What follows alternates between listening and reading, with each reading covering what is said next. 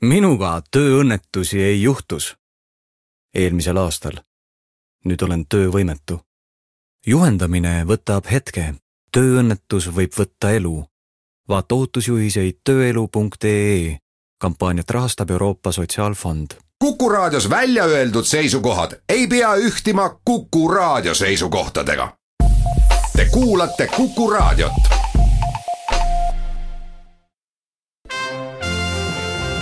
Tallinna Filharmoonia esitleb Filharmooniline huvitaja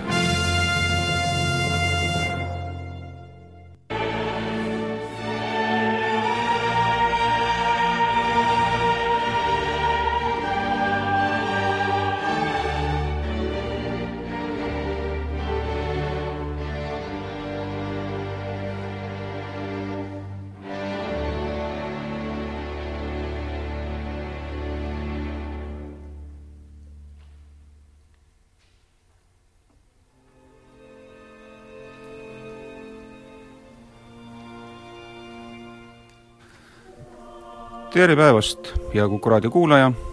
käes on taas aeg Tallinna Filharmoonia uudisteks, minu nimi on Sven Ratassepp. siin meie saate avaloona kõlas ja kõlab edasi ähm, Arvo Pärdi Aadam Itk ja seda põhjusel, et Tallinna Kammerorkester ja Eesti Filharmoonia Kammerkoor saabusid äh, alles nüüd möödunud nädalavahetusel pikemalt kontserdireisilt Hiinast, kus üheksateistkümnendast kahekümne viienda novembrini anti neljas Hiina linnas kokku viis kontserti ning äh, millede kavas oli just Hiina-poolse kontserdikorraldaja niisugusel spetsiaalsel soovil äh, eranditult Arvo Pärdi muusika. ja need kontserdid toimusid Pekingis, Wuhanis, Changshas ja Shanghais aga no mis ma siin ise ikka sellest pikem jutustan, pikemalt jutustan, sest ma olen täna palunud siia Tallinna Filharmoonia direktori Margit Tohver-Antsi, kes oli ise reisil kaasas ja koges seda kõike otse koha peal. tere, Margit! tervist! Ehm, no väikese Eesti sidemed eh, suure Hiina riigiga, no tunduvad ju esmaspilgul ikka kauged ja hoomamatud, aga aga no tegelikult ju on ju Eesti ja Hiina riikide vaheline suhtlemine päris vilgas, noh, nii ettevõtjate kui ka siin kohalike omavalitsuste ja kultuuri osas eriti, et äh, kui me nüüd päris äh, reisi juurde lähme, siis võib-olla enne seda ma küsiks su käest, et äh, kuidas sinu hi hinnang või tunnetus on, kuidas Hiina muusikapublik üldse Eesti muusikat ja Eesti muusikuid tunneb ja teab täna? no võiks öelda, et Arvo Pärt on ikkagi ju tõeline visiitkaart meile et kui kaks tuhat neliteist Tallinna Kammerorkester esines Pekingis ja Wuhanis, siis äh, kontserdi korraldaja Keelatud Linna Management, mm, Keelatud Linna kontserdimaja management kutsuski meid tagasi ja nad ütlesid, et tulge järgmine kord kooriga ja tehke ainult Arvo Pärdi kava, sest kui kaks tuhat neliteist me käisime, siis me esitasime ka Tšaikovskit ja Ellerit.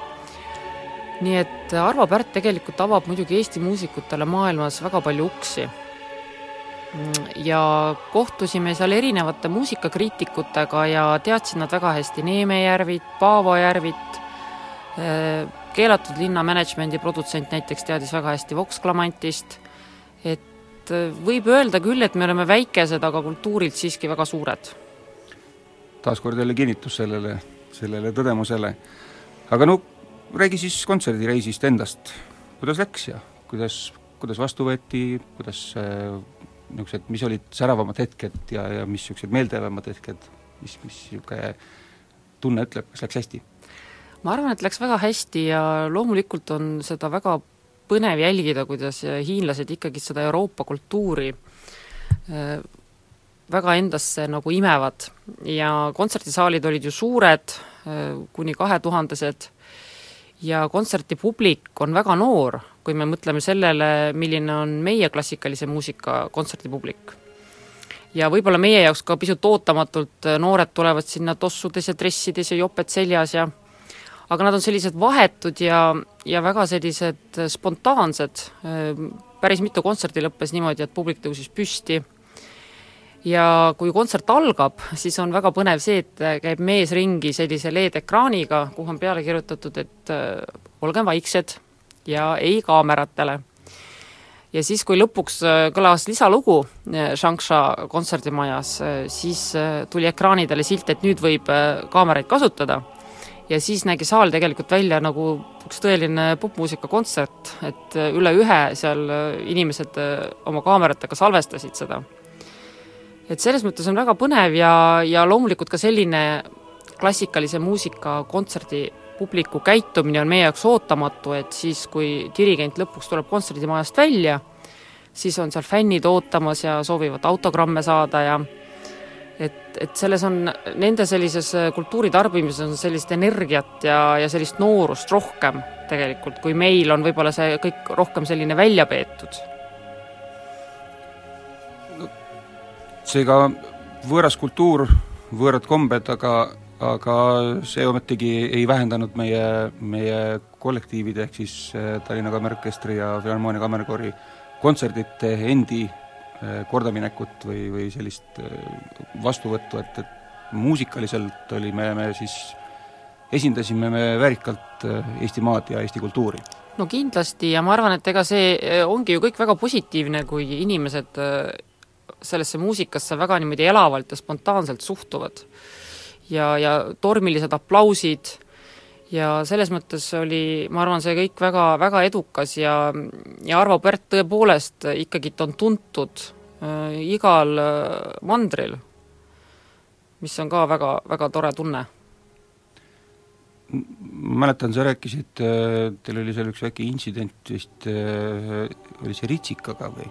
jaa, viimasel oli? kontserdil oli selline huvitav lugu, et, et üks, kogu aeg üks selline ritsika hääl mm, kõlas saalis ja alguses ma mõtlesin, et see on mobiiltelefon, aga siis ma lõpuks sain aru, et äh, viis tooli minust edasi istub üks kontserdikuulaja, kellel on purgi sees siis nagu koduloom rohutirts kaasas ja vahva oli see, et Rohutirts väga reageeris sellele muusikale, et kui mida kõrgemalt koor laulis, seda aktiivsemalt Ritsikas äh, kaasa nagu ümises.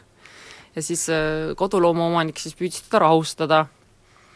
et selline, selline põnev lugu oli ja, ja tegelikult seal oli põnevaid hetki veelgi, näiteks Shangsha kontserdimajas oli, oli selline äh, sedasi korraldatud kontserdivaheaeg, et kontserdivaheajal oli koridorides klaverid ja noored hiinlased siis äh, mängisid seal toredasti Beethoveni sonaate, et äh, see klassikalise muusika mm, haridus on nendel ikkagi väga hinnas ja, ja nad ikkagi väga on huvitatud sellest Euroopa kultuurist, sest huvitav on ka fakt, et kui sa näiteks hotellis koridoris ringi jalutad, siis sa kuuled näiteks Tšaikovski klaverikontserti või mõnda Mozarti sümfooniat, et meil siin sellist asja nagu ette ei tule no sul läks hästi, et sa siis ainult ritsikat nägid ei tea, mis koduloomi seal vees ka kaasas võis olla. aga no kuidas siis lõppkokkuvõttes jäi, kas on oodata järgmist kutset Hiina, millal, millal uuesti? jaa, ma loodan küll väga, sellepärast et tegelikult peab muidugi ka ütlema, et äh, tuur iseenesest oli väga hästi korraldatud. et selles osas peab hiinlasi, hiinlastele väga suure aitäh ütlema ja, ja rääkisime sellest, et nad hea meelega kutsut-, kutsuksid meid uuesti tagasi. nii et jääme lootma. rõõm kuulda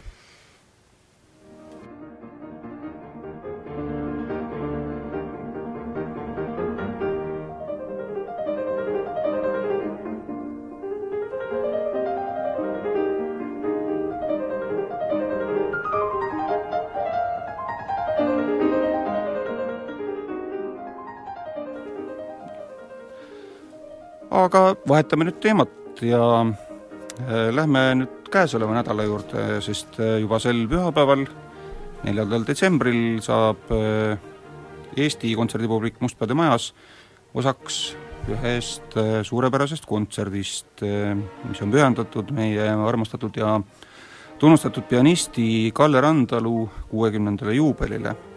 ja sellel kontserdil astuvad koos juubilariga üles ka tema kauaaegne lavapartner Tallinna Kammerorkester, aga ka Kalle Randalu lapsed, Liisa ja Kristjan Randalu, ja kontserdil tuleb ettekandele maailma esiettekandes eh, Kristjan Randalu uudisteos eh, Inner Asylum, või eestikeelse pealkirjaga Sisemine turvapaik.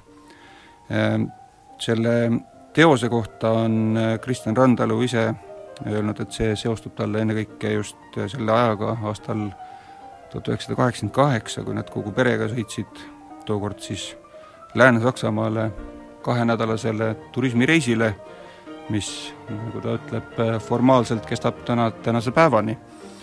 ja Kristjan Randalu sõnul noh, said just selle äh, välised olud Eestis, mis sellel ajal olid ja, ja poliitilised äh, olukorrad viisid need tema ja tema perekonna niisugust äh, nii-öelda siis asüülini Saksamaal, mis omakorda tagas neile sisemise turvapaiga ja muusikalise tegutsemise. aga Margit, sina oskad öelda ka äh, Tallinna Kammerorkestri ja Kalle Randalu koostöö ei ole ju kaugeltki mitte esmakordne, vaid see ulatub ikka väga pikkade aastate taha jaa, see ulatub ikkagi täiesti orkestri algusaegadesse ehk üheksakümnendate keskpaika. ja Kallega on ju kõik äh, sellised äh, aktiivsemad Tallinna Kammerorkestri dirigendid koostööd teinud, äh, Tõnu Kaljuste, Risto Joost, Erik Lass, Juha Kangas, näiteks Erik Lassiga kahe tuhande neljandal aastal ju esitati kõik viis Beethoveni klaverikontserti, samamoodi on Juha Kangasega peaaegu kõik Mozarti klaverikontserdid ette kantud ja alles nüüd, kolmeteistkümnendal oktoobril oli Peterburis kapellasaalis Tallinna Kammerorkestri ja Kalle Randalu ühiskontsert dirigeeris siis Tallinna Filharmoonia kunstiline juht Risto Joost. nii et tõepoolest, Kalle Randalu pakkus just oma juubeli tähistamist Eestis välja Tallinna Kammerorkestrile, sellepärast et äh, need sidemed on niivõrd tihedad ja see koostöö sujub suurepäraselt. No lisaks äh, Kalle Randalule ja Kristjan Randalule esineb äh, kontserdil pühapäeval ka äh, Kalle Randalu tütar Liisa Randalu koos ähm, äh, Saksamaalt pärit viiuldaja Erik Schumanniga, kellega ta koos mängib juba üle maailma päris tuntuks saanud Kelbili kvartetis Schumann kvartett mis nüüd käesolevast aastast resideerub Lincolni keskuse kammermuusika ühingu juures New Yorgis ja tegelikult see Erik Schumann äh, tulebki otse, äh, otse New Yorgist kontserditelt, mis on esimesel-teisel äh, detsembril, nii et us-, usutavasti saab olema see tõesti üks väga põnev ja, ja väga väärikas austusavaldus maestro juubelile, kuhu me kindlasti kõiki kutsume jah ja., et äh, ettekandele tuleb Bruchi kontsert viiulile, vioolale ja orkestrile ja Kalle poeg Kristjan on kirjutanud siis selle uudisteose, kus soleerivad Kalle ja Liisa Randalu.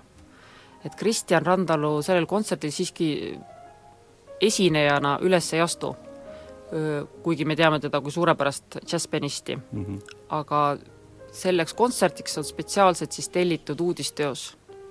kena aga meie saateaeg on äh, otsakorral, aitäh, Margit, tulemast, äh, pühapäeval, neljandal detsembril kell neli Mustpeade majas, Kalle Randalu kuuskümmend, äh, kohtumiseni kontserditel, aitäh kuulamast! Tallinna Filharmoonia esitleb Filharmooniline huvitaja